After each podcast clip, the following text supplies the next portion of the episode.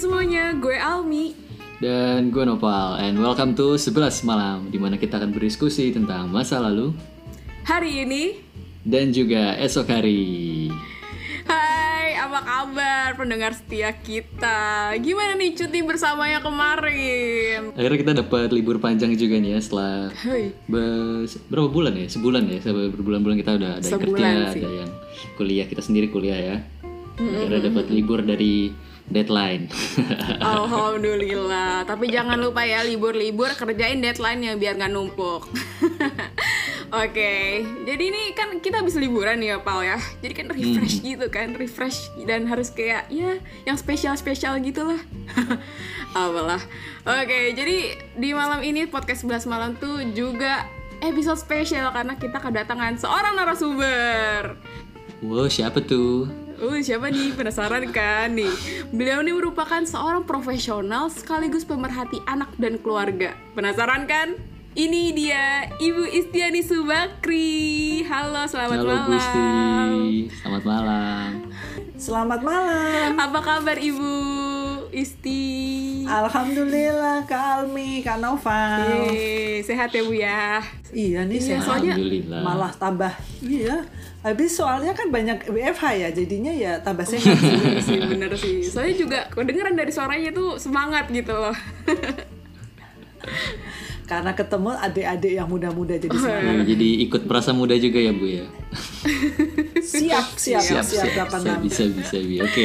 Nah, buat teman-teman nih, Bu Isti ini juga punya podcast loh guys. Nah, namanya itu hashtag ngobrol sama ibu. Nah, podcast Bu Isti ini ada di YouTube dan juga Spotify. Nah, podcast Bu Isti ini membahas eh, seputar pendidikan usia dini, anak-anak, remaja dan juga dewasa dan juga tentang keharmonisan keluarga. Jadi boleh banget nih kalau penasaran boleh cek nih mau di YouTube atau Spotify-nya, monggo. Mantap, mantap. Keren, keren, keren, keren. Oke. Berhubungan dengan latar belakang Ibu Isti nih yang seorang pemerhati anak dan keluarga. Jadi ya, pada episode kali ini kita bakal ngomongin yang namanya komunikasi antar orang tua dan anak. Gitu, Bu. Jadi nih kalau dari yang aku perhatiin nih ya, Bu ya, kan uh, ada dua tipe orang tua tuh. Maksudnya tuh uh, ada orang tua yang bisa diajak diskusi, ada yang bisa diajak ngobrol gitu, ada juga yang enggak kayak gitu. Nah, yang contohnya tuh yang kalau bisa diajak curhat tuh orang tuanya tuh sedia apa aja gitu. Maksudnya sedia kalau misalkan anaknya mau curhat tentang pelajaran, tentang masalah, tentang gebetan gitu bisa gitu. Bahkan kadang-kadang juga mereka seperti teman gitu, Ibu. Jadi benar-benar apa ya, akrab banget gitu. Nah, tapi juga ada orang tua yang memberi gap gitu. Jadi uh, dan kadang-kadang juga nggak bisa diajak cerita. Nah, entah itu karena sulit komunikasi, terus juga karena terlalu sibuk, atau juga bisa karena uh, orang tua saat anaknya tuh menginginkan sebuah solusi malah dimarah-marahin gitu. Jadi anaknya takut sendiri gitu. Jadi nggak mau cerita lagi. Tapi bener nggak sih bu fenomena itu ada itu di masyarakat kita sekitar gitu, kehidupan kita sekitar. Ya, yang dirasakan begitu ya. Memang begitu sih Mbak. Karena kan bagaimanapun juga orang tua itu pola asuhnya macam-macam. Sehingga mengakibatkan anak itu juga menjadi eh, macam-macam juga karakternya. Ada yang bisa ngomong sama orang tua santai seperti diskusi, ada juga yang ah ngapain ngomong juga nggak diperhatiin, ada juga yang aku takut lah, cuman ditanya-tanya semua pertanyaan detail banget gitu kan atau malah dilarang dimarahin karena memang pola orang tua itu macam-macam tadi Mbak Kak Almi kan udah bicara ya ada beberapa kalau beberapa ahli memang menggolongkan itu ada lima, ada tiga, ada empat. Eh, mungkin malam ini aku bicara empat saja ya, soalnya kalau lima kebanyakan. Boleh, boleh. Jadi sebenarnya ada orang tua yang cuek. Jadi cuek itu dia nggak merhatiin anaknya ya udah dianggap anaknya udah bisa sendiri gitu, apa-apa bisa sendiri. Ini sebenarnya dia bukan tidak mau memperhatikan, tapi cara dia begitu. Akibatnya anaknya merasa tidak dihargain kan, mau dicuekin, ngomong juga dicuekin gitu. Ada ada juga kebalikannya, terlalu otoriter. Jadi semuanya dikontrol apa apa dikontrol apa apa dikontrol nih nggak boleh nih ini gitu ya. Jadi anak menjadi bukan nggak- nyaman ya. Apa apa gue ditanyain ya. Mau ke sini ditanyain mau ke sini nggak boleh mau gini nggak boleh gitu ya. Nah terus ada juga yang permisif atau yang memanjakan. Jadi permintaan anak semua diturutin tetapi kontrolnya kurang. Jadi hangat ngobrol gitu ya. Tapi cenderung memanjakan gitu. Jadi kalau kontrolnya kurang jadi dia nggak apa ya nggak tegaan untuk mengatakan tegas. Bukan marah ya tegas gitu. Kalau memang itu melanggar. Nah yang paling bijaksana adalah orang tua yang autokratif atau disebut bijaksana.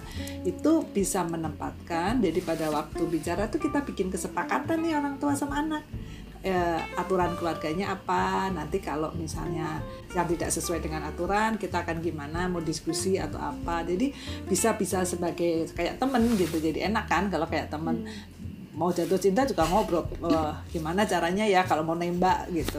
Kadang kala kan kita umpet-umpetan kan ada yang umpet-umpet dan lain-lain.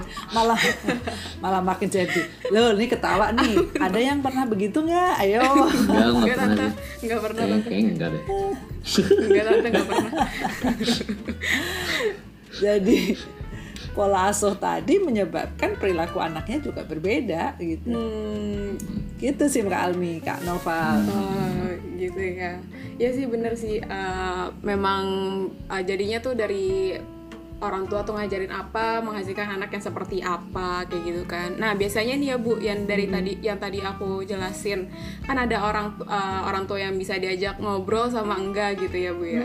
Nah biasanya kan dari masing-masing eh, apa perilakunya itu perlakuannya itu kan menghasilkan apa ya dampak kepada anaknya sendiri gitu. Mungkin Betul. untuk yang bisa diajak ngobrol itu anak itu akan lebih terbuka gitu. Terus hubungan antara orang tua juga bagus gitu. Tapi bisa jadi negatifnya jadi uh, mengurangi rasa sopan dan kayak kurang segan gitu karena ada beberapa uh, apa ya um, batasan gitu. Kalau misalkan anak tuh harus segan sama orang tua harus kayak gimana gitu. Tapi karena anak udah menganggap orang tua seperti teman jadi ya udah lah ya kayak gitu. Terus untuk yang tidak bisa yang uh, kurang bisa Kurang diajak dekat diskusi. gitu ya. Kurang dekat. Itu bisa jadi anaknya tuh jadi lebih cepat mandiri dan apa ya solutif. Karena dia tahu gitu di rumah nggak ada yang dengerin dia dia jadi ya cari solusi yang lain kayak gitu. Tapi ya negatifnya adalah hubungannya jadi renggang. Dan kadang juga ketemu orang tuanya karena uh, apa ya karena ada kebutuhan aja kayak gitu. Di luar itu juga ya nggak kenal gitu. Nah tapi kalau kasus-kasus kayak gitu ada apa lagi sih bu di luar sana Hmm, sebenarnya kasus seperti ini banyak yang terjadi kan jumlah anak di Indonesia juga banyak Ya. ya.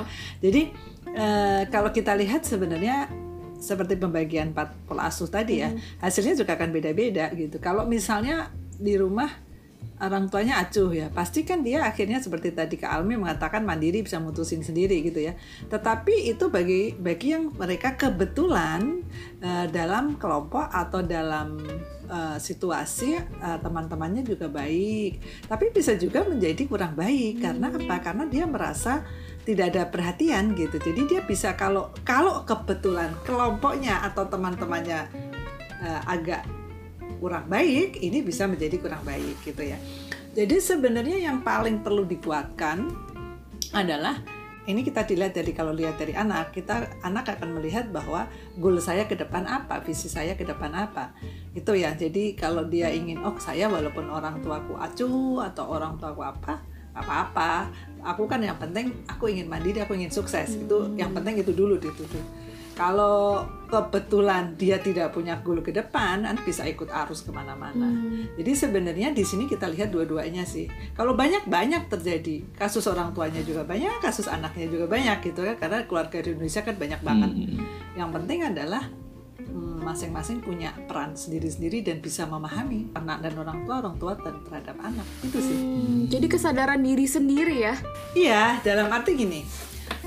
Sekarang Mbak Almi ya, kalau aku tanya Mbak Almi nih, Mbak Almi misalnya menghadapi situasi satu, dua, tiga, empat pola asuh gitu ya. Yang menentukan bahwa Mbak Almi akan bersikap bagaimana untuk Mbak Almi sendiri siapa? ya diri sendiri Betul.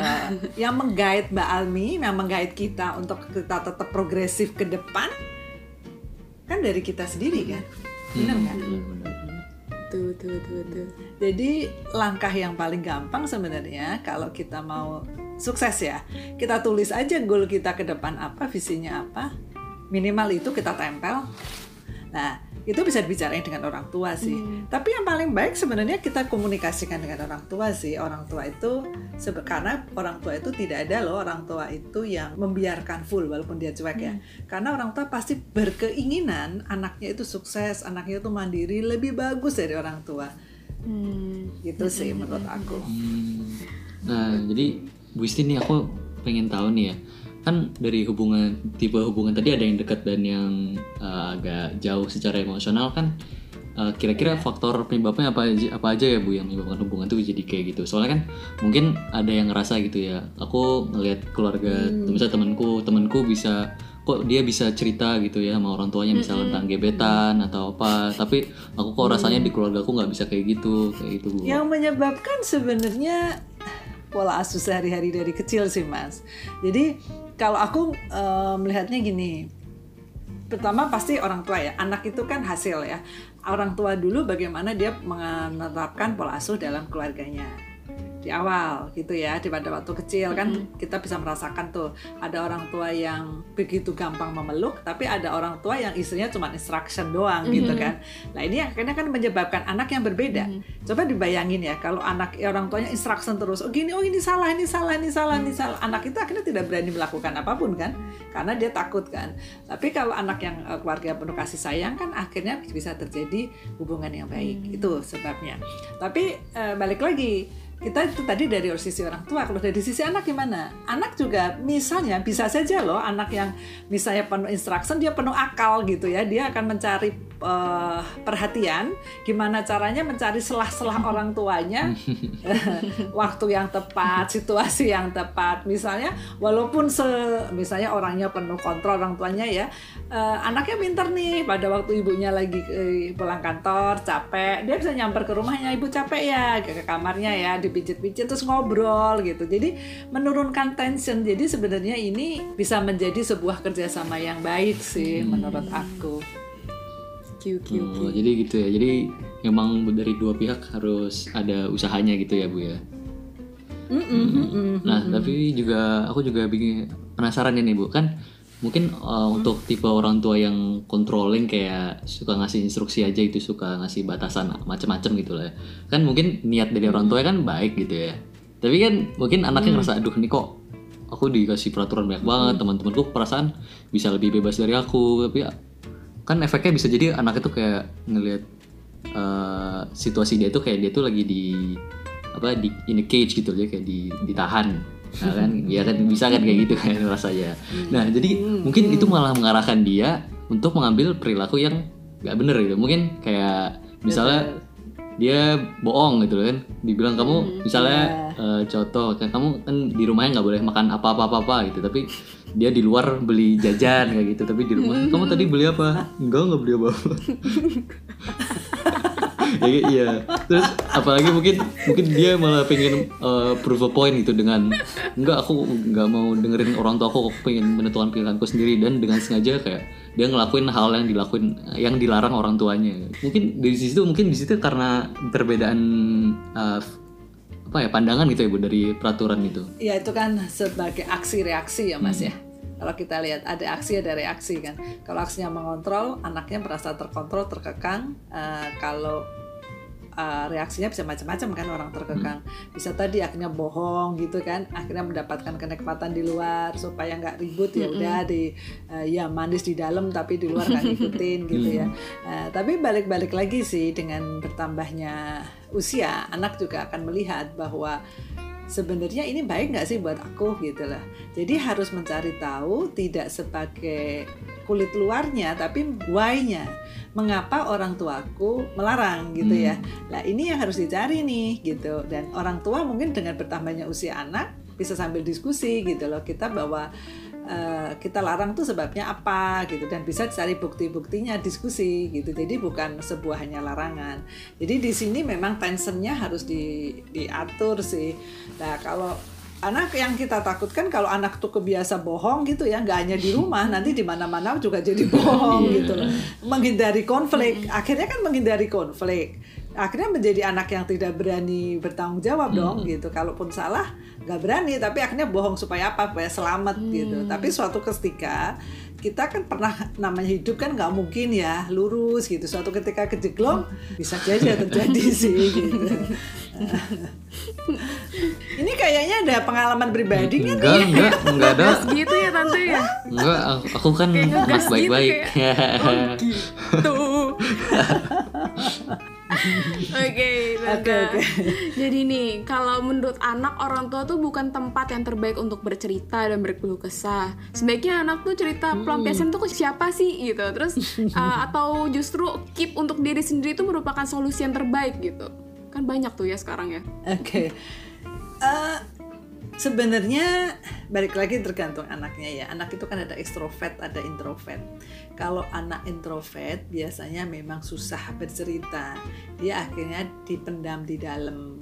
Nah, dipendam di dalam ini baik, tapi ada batasnya. Kadang-kala kan menjadi kita hmm, dalam keadaan tertekan atau menghadapi masalah yang berat. Kalau nggak dikeluarin juga eh, akan menjadikan gangguan, gangguan dalam jiwanya, kesehatan mentalnya ataupun kesehatan fisiologisnya.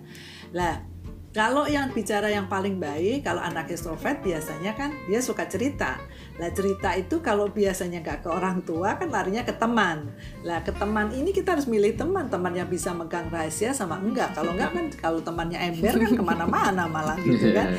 Lah, nah ini yang kita harus pilih. Tapi sebenarnya orang yang paling mengerti tentang kita dan mencintai kita pula adalah orang tua sebenarnya. Jadi kita harus eh, petras itu. Memang orang tua itu macam-macam. Nah di sini kita harus ngambil selah ya. Anak harus mengambil selah ke orang tua juga gitu loh. Yang pertama misalnya kita juga harus eh, anak juga harus melihat nih orang tua gue lagi ngapain ya. Nah, ya, Jadi cari cari cari waktu, cari tempat, cari mengenali orang tua. Oh ini bahasanya kayak apa gitu. Kemudian ya harus berani mengutarakan sih kalau menurut aku. Kalau ya ya Bismillah aja lah gitu. Dan harus berani ambil konsekuensi. Kalau kita minta minta minta izin sesuatu ya itu kan ada dua kemungkinan. Dibolehin atau tidak dibolehin ya udah kita ambil konsekuensi. Tetapi kalau dibolehin harus jaga ah, jaga kepercayaan. Jangan sampai gini oh saya mau pesta gitu ya pesta di Kemang gitu Wih. misalnya. Kan kalau pesta kalau di pesta Kemang kan biasanya ada party dan ada after party. Bisa pertama kali misalnya orang tua bilang, "Ah enggak, Ta, nanti kan sampai malam kamu sampai after party gitu." misalnya. Waduh. Orang anak anaknya kan bisa ngomong, "Enggak kok, Bu." "Eh, enggak kok ma, enggak kok Umi, saya hanya sampai jam 9 aja, habis jam 9 saya pulang gitu ya. Nanti saya juga sholat di sana. Lah ini kan kepercayaan dikasih izin, ya pulang bener jam 9, jangan sampai jam 2 baru pulang. Nanti taraf kepercayaan orang tua kan jadi turun lagi gitu loh. Dan dikontrol lagi gitu. Jadi berikan bank account positif sih kalau istilahnya tuh gitu kayak orang nabung ya. Kita ada bank account positif sehingga orang lain juga akan bereaksi positif ke kita. Setuju, setuju, setuju, setuju. Nah ini bu, kan untuk kan dari tadi kan emang ini butuh uh, usaha dari dua pihak kan bu ya, dari orang tua dan juga anak. Nah mungkin kalau misalnya kalau boleh tahu ya bu, kira-kira kalau dari orang tuanya harus ngapain dan anak tuh harus ngapain tuh? ya? Mungkin bisa diperjelas lagi bu. Boleh. Eh, kalau orang tua sih sebenarnya ya eh, mereka tuh pertama harus mendengarkan sih, mendengarkan aktif ya. Jadi harus menahan diri nih, jangan belum-belum sudah penuh dengan curiga gitu, mendengarkan dengan aktif, tanpa asumsi, tanpa curiga gitu. Jadi kita benar-benar menghargai anak kan. Kemudian hmm, kalau dia bicara, biar komplit dulu lengkap, jangan diputus. Karena kalau diputus kan juga nggak happy ya, nggak nyaman. Kemudian kita kontak mata, jadi jangan sama anaknya ngomong kita main HP atau kita ngelihat ke mana, kan anak merasa malas juga kan gitu. Kemudian yang ketiga adalah kita melihat si anak. Kapan kita akan bicara dan waktunya seperti apa gitu loh. Jadi jangan sampai ngelihat dari diri kita, tapi kita ngelihat si anak. Oh, waktunya kok tepatnya aku ngomong sama anak. Oh, ini rasanya saya nggak perlu ngomong deh, saya cuma dengerin aja gitu.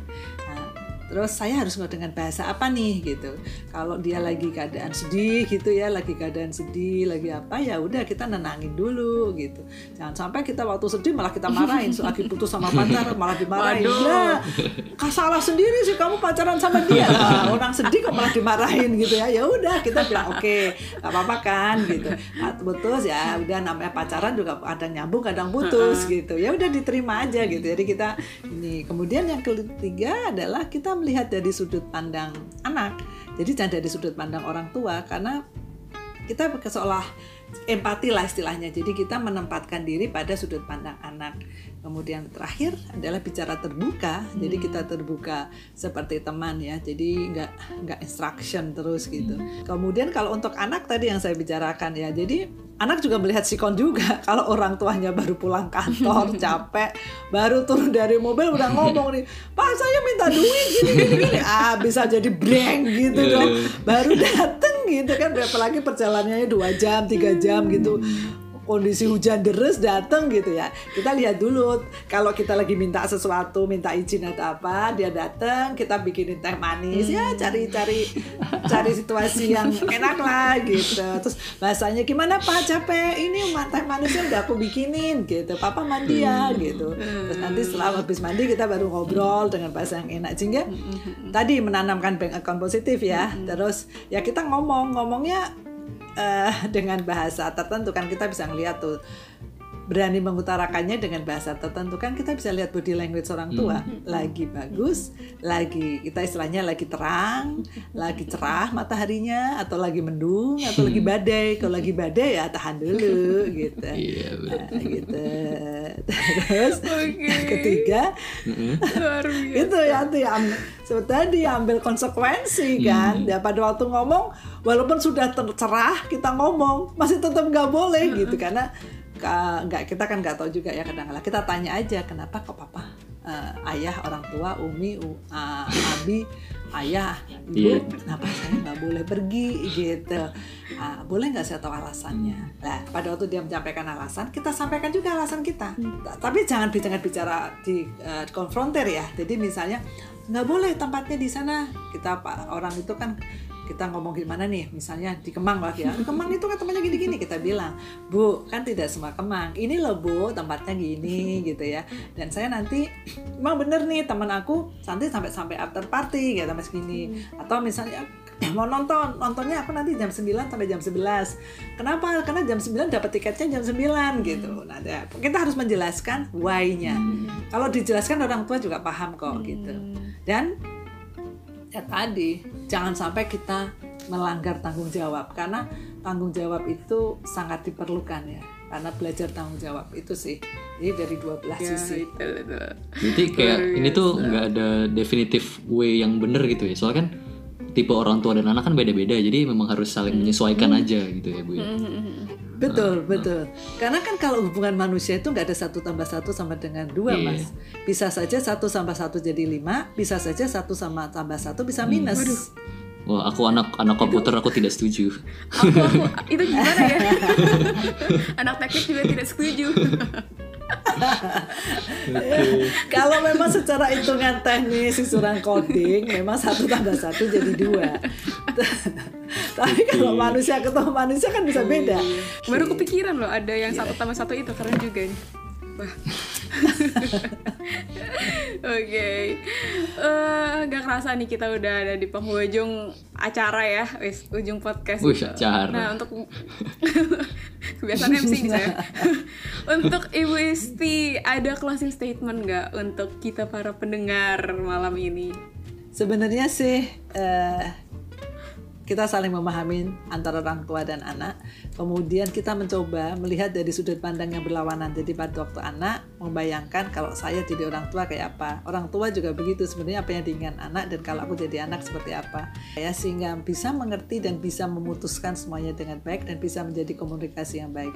Karena komunikasi adalah dasar daripada pola hubungan berikutnya. Mudah-mudahan Kak Almi, Kak Noval bisa menjadi contoh bagaimana berkomunikasi dengan baik dengan orang tua dan hasilnya subhanallah pasti Amin, akan amin, bagus. Amin. Amin, amin, Aminin amin. aja dulu. Amin. Amin, Tante, amin, amin, amin. Amin, amin, amin. Oke. Oke, gak kerasa nih kita udah nemenin kalian sampai sejauh ini para pendengar tercinta. Oke, semoga bermanfaat dan menghibur ya. Oh iya, jangan lupa ya dengerin podcastnya Ibu Isti di hashtag ngobrol sama ibu di Spotify dan juga YouTube channel. Gas. Nah, jangan jangan lupa pakai hashtagnya ya. Hmm, betul banget. Oke, terima kasih Ibu Isti sudah mau menjadi narasumber yang luar biasa dan juga pertama kalinya ya kita podcast 11 malam tuh mengundang narasumber, Narasumber. yaitu Ibu Isti. Iya, keren banget sih. Dan sekian dari kita, pamit undur diri. Gue Almi. Dan gue Noval. Selamat malam. Dan sampai jumpa. Dadah. Bye.